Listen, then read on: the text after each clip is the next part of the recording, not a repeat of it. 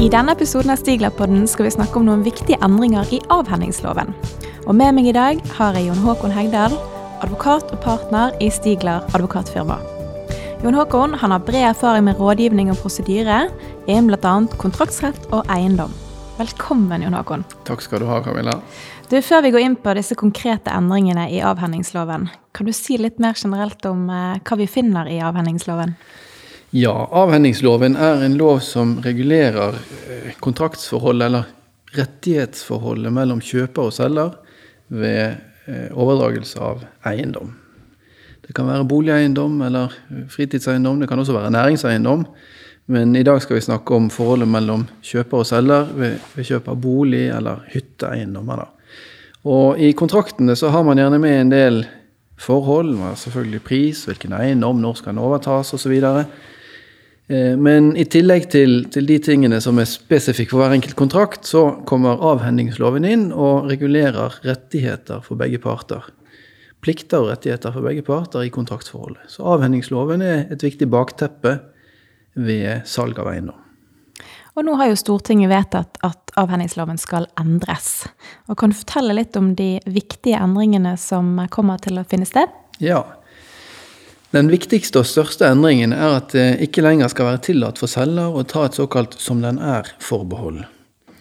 Eh, og et 'som den er'-forbehold har frem til nå vært veldig vanlig ved, ved overdragelse av eiendom. Det dreier seg om at selger, som jo selger en brukt bolig, det kan være en bolig som er 5, 10, 20 eller mer år gammel, og der selger heller ikke har inngående kjennskap til problemer, tekniske svakheter osv. ved eiendommen. Eh, og da er det vanlig at selger tar et forbehold overfor kjøper og skriver i kontrakten at nå selger jeg eiendommen til deg i den stand den er, som den er i dag. Og kjøper får da risikoen eh, for overraskende forhold, negative forhold, som ingen av partene hadde kjennskap til.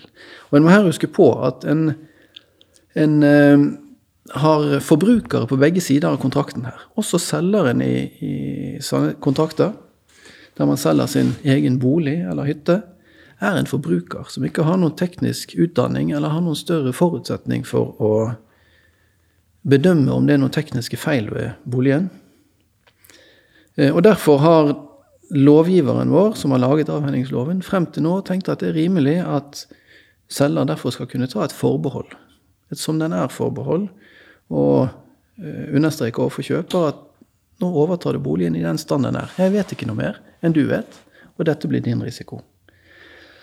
Men nå er det altså vedtatt en lovendring som innebærer at dette skal selger ikke lenger kunne gjøre. Og ved det skyves jo risikoen i kontraktsforholdet over fra kjøpersiden, som frem til nå har hatt risikoen for ubehagelige overraskelser, over på selgersiden, som ikke lenger skal kunne selge eiendommen i den stand den er. Tenker du at dette er ubetinget positivt? Nei, det er noen eh, utfordringer med det. Og det har med denne risikoen å gjøre. Altså, eh, tenk deg at du selger en, bolig som er fem eller ti år gammel, og der selger aldri har hatt noe problem med noen tekniske problemer, noen tekniske svakheter. Og så oppdager kjøper etter noen år at nei, hei sann, her var det et eller annet med en yttervegg med en eller annen teknisk feil, så det lekker inn litt fuktighet eller noe sånt. Men selger har i sin eiertid aldri oppdaget dette, og heller aldri hatt grunnlag for å oppdage det. Likevel vil selger altså, etter at denne loven trer i kraft, sitte med, med risikoen for dette og ansvaret for det. Og det er ikke helt rimelig. Et annet eksempel på en eiendom kan være at dreneringen som er utendørs og under bakken og på ingen måte synlig for noen parter, den går etter hvert tett. Selger har ikke hatt noen grunnlag for å, å ane noe om det, men sitter likevel med regningen hvis det oppstår et problem i ettertid, som kjøper reklamerer på. Det virker jo som om det blir mer uforutsigbart å selge eiendom heretter. Ja, det, på, på, sett og vis. Eh, når lovendringen kom, da kan vi jo gå, gå inn på hvorfor, hvorfor ble ble det vedtatt en slik lovendring. Og tanken med det er at eh, det skal gi tryggere bolighandel. Altså selve lov, loven heter lov om avhending av fast eiendom, parentes tryggere bolighandel, parentes slutt. Så intensjonen har vært å gjøre handelen med eiendom tryggere. Og nå ble det altså tryggere for kjøper og litt mindre trygt for selger? Nettopp. Det blir langt mer trygt for kjøper å kjøpe bolig i tiden videre. Og i utgangspunktet mye mer utrygt for selger å selge. Men på den annen side så har lovgiver også vedtatt en forskrift som skal tre i kraft på samme tidspunkt som lovendringen trer i kraft. Og etter denne forskriften så har selger anledning til å hente inn en grundig tilstandsrapport for eiendommen. En langt grundigere rapport enn det har vært vanlig å bruke frem til i dag. Og I disse grundigere tilstandsrapportene så vil den bygningssakkyndige gjennomgå boligen i detalj, rom for rom, gjøre fuktmålinger, gjøre om nødvendig boreundersøkelser for å se bak fliser, bak vegger, som man ikke ser ved det blotte øyet, og undersøke rom under terrengnivå osv. for at selger skal ha mulighet til å legge så mye opplysninger om eiendommens tilstand på bordet som mulig.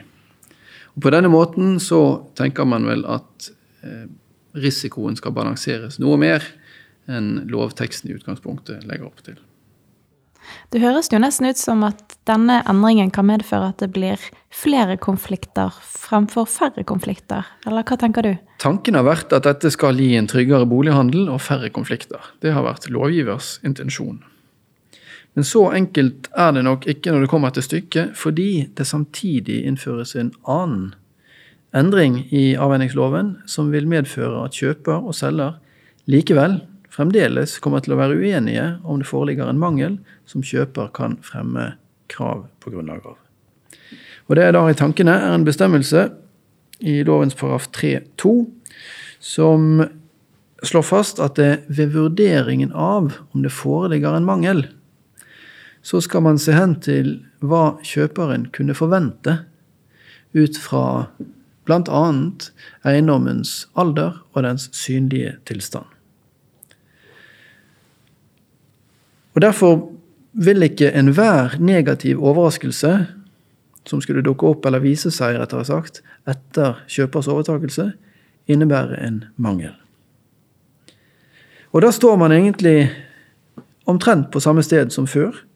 Både etter den gjeldende loven som eh, nå endres, og etter lovendringen som trer i kraft etter nyttår, så legges det opp til en vurdering av hva kjøper egentlig kan forvente. På bakgrunn av bl.a. hvordan huset, eiendommen, fremstår. Hvor slitt det er, hvor gammelt det er, osv. Så, så loven legger altså fremdeles opp til en diskusjon mellom kjøper og selger om det foreligger en mangel eller ei. Eller sagt med andre ord om, om uh, de forhold som selger reklamerer på, ligger utenfor det forventbare ved salget.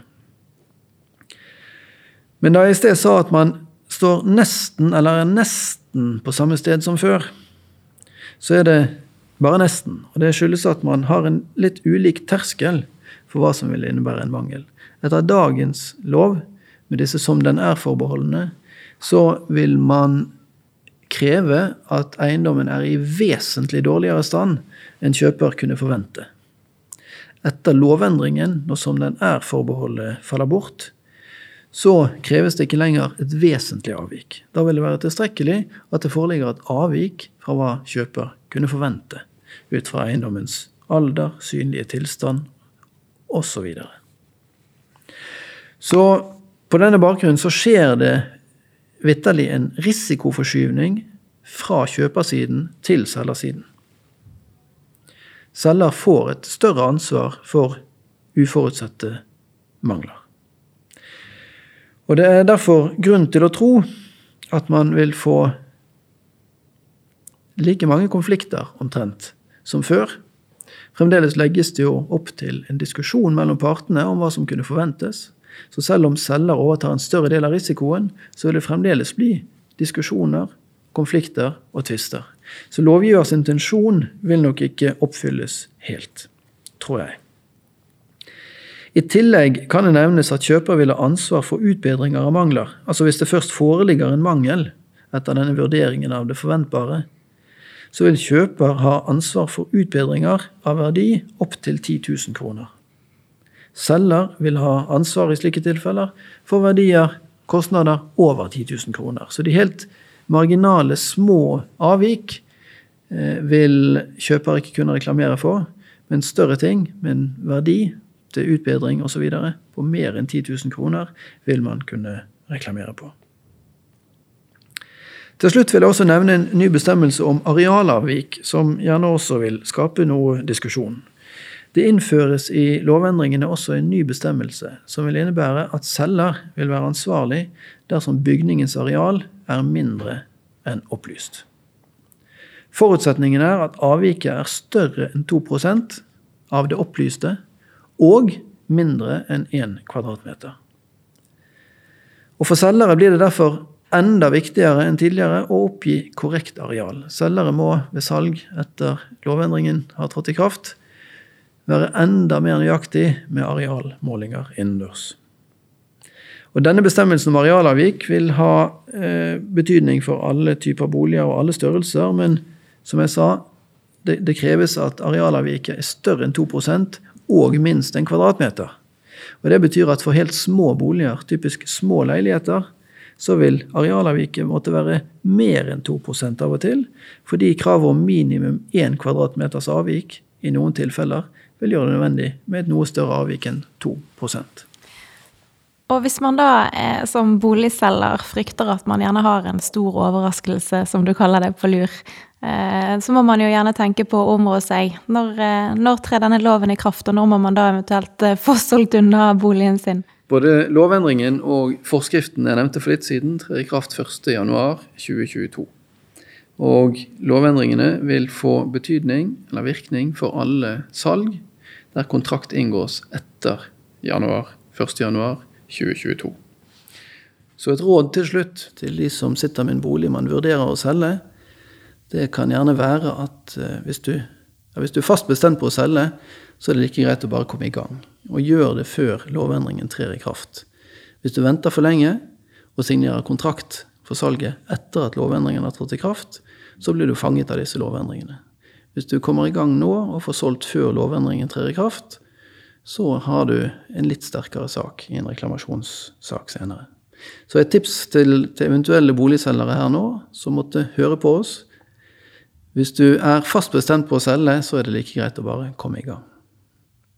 Selg nå, altså, hvis du, eh, hvis du, tror at du har en eh, overraskelse av den ubehagelige sorten eh, i hus. Ja, der kommer du inn på et annet punkt, nemlig hvis du tror at du har en ubehagelig overraskelse i hus, så kan det være at du får en mangel mot, mangelskrav mot deg uansett. For fremdeles vil det være slik, også etter den nye loven har trådt i kraft, at hvis man har kjennskap til svakheter ved en bolig, eller burde ha det, eller måtte ha det, som man ikke opplyser om, ja, da er, da er man fanget. Da er det en mangel, uavhengig av alle disse eh, tingene jeg nå har snakket om.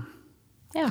Men hvis man eh, ikke kjenner til noe som helst selv, og man går i, i, tanker om å selge en bolig, da kan det være greit å komme i gang før lovendringene trer i kraft. Dette var gode råd å ta med seg i eh, prosessen hvis man vurderer å selge bolig. Og takk til deg, eh, Jon Håkon. Og til deg som lytter, takk for at du lyttet til Stiglerpodden. Er du interessert i mer informasjon, eller ønsker du å motta våre nyhetsartikler? Ta gjerne kontakt med oss, eller meld deg på vårt nyhetsbrev. Dette gjør du ved å klikke deg inn på våre hjemmesider stigla.no. Der finner du påmeldingsskjema nederst på siden. Klikk deg inn på stigla.no og ta kontakt med oss.